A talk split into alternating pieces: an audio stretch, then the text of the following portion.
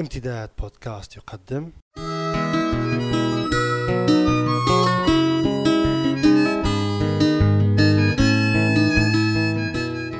رسالة من لندن مع جمعة بوكليب.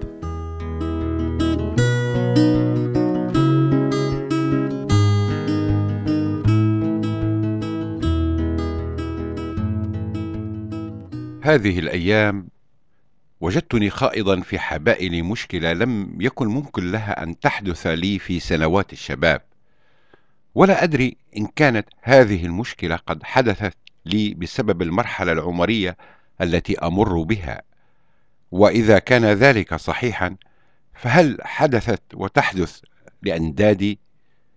أنا حقيقة لا أعرف السبب وكل ما أعرفه أنني وجدت نفسي واقعا في المشكلة ولا بد لي من العمل على الخروج منها وعلى علم ودراية بعدة حلول وهي سهلة ومعروفة وقابلة للتنفيذ وفي المتناول أيضا.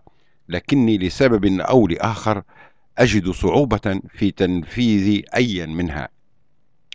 بداية لابد من التوضيح بأن المشكلة لا علاقة لها بشخص آخر ولا يدري بها أحد غيري ولا تهم أحدا غيري كذلك لأنها ببساطة مشكلة شخصية جدا وتحديدا مع معطف الذي اشتريته منذ أكثر من خمسة عشر عاما وما زلت حريصا على ارتدائه وعدم استبداله بآخر جديد وأنيق ليس بخلا بالطبع ولكن لسبب آخر وهو أنني صرت لا أطيق مفارقته وكأنه صديق عزيز علي ربطتني به أواصر الود والصداقة على مر السنين فهل يا ترى أخطأت في ذلك؟ المشكلة بدأت حينما ذات يوم خلال الأسابيع الماضية كنت واقفا في قطار مزدحم في طريقي إلى عملي ويدي اليمنى ممدودة إلى أعلى ممسكة بقضيب معدني في سقف العربة مخصص لهذا الغرض حين وقعت عيناي صدفة على تآكل وتهري واضح في نهاية كم معطفي. فانزعجت لعلمي أن الناس من حولي قد لاحظوا ما لاحظت. فسارعت بإنزال يدي اليمنى واستبدالها باليسرى. لدى نزولي من القطار تفقدت كمي معطفي فوجدت أن الكم الأيسر في حالة جيدة ولم يلحقه تهر أو تآكل. في حين أن الكم الأيمن وبشكل لا يخفى تهر وتآكل من القدم لا غير ولا يمكن ترقيعه أو إصلاحه فأسقط في يدي وتأسفت وبدأت الأسئلة تناوشني وتناكدني عما يتوجب علي فعله. هل أسعى لشراء معطف جديد مثلا وأتخلص من معطف القديم الذي صاحبني ودفأني في شتاءات عديدة وصار جزءا مني بحيث لا يمكن أن أرى في أي فصل شتاء خلال السنوات الطويلة الماضية بدونه قد يظن البعض من الناس الذين لا يعرفونني ولا يعرفون معطفي إن المشكلة مفتعلة وإن لم تكن مفتعلة فإنها وليدة بخل رجل شايب ما عادش عنده ما يدير وفاضي ورغم أنني لا أنكر تهمة إنني رجل شايب والشباب هذه الأيام يصرون على مخاطبتي يا عمي جمعة ويا حاج جمعة لكني وهذا اعتراف أنكر تماما تهمة البخل وأعترف كذلك أنني رغم سنوات عمري الكثيرة مش فاضي وعندي مندير وغارق في الدنيا لشوشتي ولا تنقصني مشاكل من أي نوع وأكاد لولا الحياء أن أفعل ما كاد يفعله الكاتب نيكوس كازانزاكي مؤلف رواية زوربا اليوناني وذكره في سيرته الذاتية المسماة الطريق إلى جريكو وهو أن أخرج إلى الشارع وأقف في ناصية منه وأطلب من كل شخص يمر بي أن يهبني دقيقة من عمره كحسنة وصدقة لكي أضيفها إلى ما تبقى من دقائق عمر القليلة كي أتمكن من إيجاد الوقت الكافي لحل مشاكلي مع الدنيا والناس وأيضا لتحقيق ما أصبو إلى تحقيقه قبل أن تحين ساعة ملاقاتي لوجه ربي. لتلك الأسباب الآنفة الذكر فإن المشكلة غير مفتعلة. إذ كيف لي أن أتخلص من صديق عزيز على قلبي وأرميه هكذا في سلة القمامة؟ ولكي أتملص من أي تهمة ضدي بالشح والبخل وأبري ذمتي مع نفسي قررت شراء معطف جديد وفعلا بدأت التطواف بين المتاجر حتى وقعت على ضالة المنشودة واشتريت معطفا أنيقا يليق بي وعدت به إلى المنزل ووضعته معلقا في خزنة الملابس وفي صباح اليوم التالي أخرجته من الخزنة وارتديته ووقفت طويلا أمام المرآة متأملا حتى تأكدت من حسن مظهري. ثم غادرت دفء بيتي وتركت لقدمي العنان ككل صباح لتقودانني إلى محطة القطارات.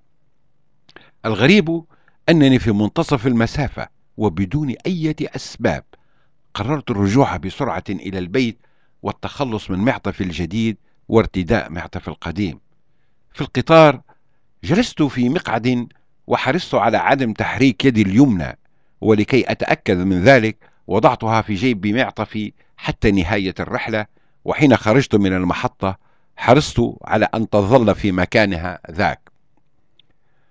السؤال الذي يحرقني منذ نجاح ثورة 17 فبراير هو إذا كان لم يكن بميسور استبدال معطف قديم أكل عليه الدهر وشرب بآخر جديد فهل يمكنني حقا أن أتخلى عن سنوات عمري في بلد استضافني وأطعمني من جوع وآمنني من خوف وعلمني وصار وطنا لكلماتي ولأغاني ولمواويلي ولحكاياتي وموطنا لأولادي ومرتعا لأحلامهم.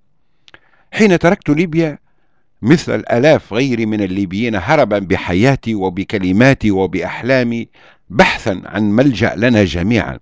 اخترت بريطانيا قصدا. ربما يعود ذلك إلى عامل إجادتي للغة الإنجليزية إضافة إلى وجود أخي الأصغر والعديد من الأصدقاء الآخرين بها. لكني جئتها لاجئا فقيرا فأوتني ومنحتني ما لم يمنحني إياه وطني. الحرية.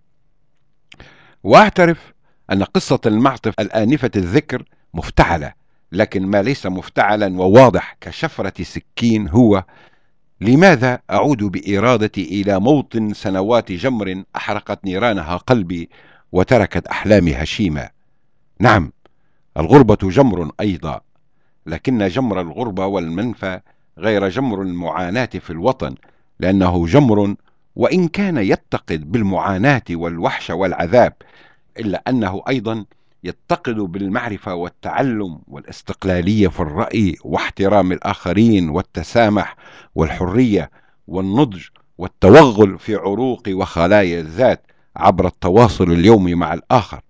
أقصد الآخر الذي حين حانت اللحظة التاريخية هرع لنجدتنا والوقوف في صفنا والذي لولاه لما كنا ما نحن عليه اليوم.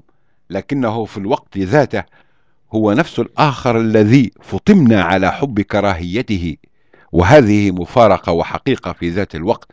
لذلك لا بأس لو تساءلت بسبب حيرتي وين السمية رايس.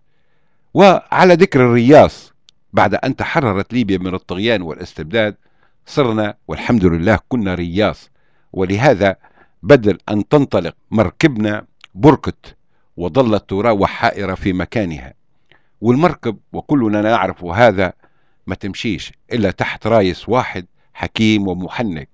وبهذه المناسبة يعن لي أن أسألكم جميعا زعما وين زعما وين قاعد رايس مركبنا.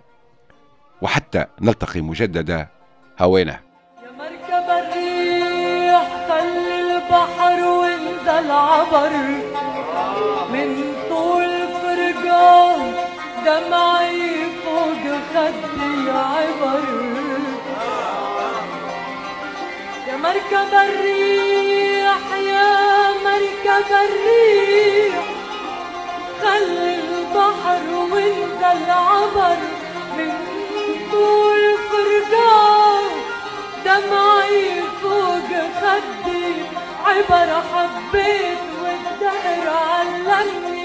بحبه عبر عيوني.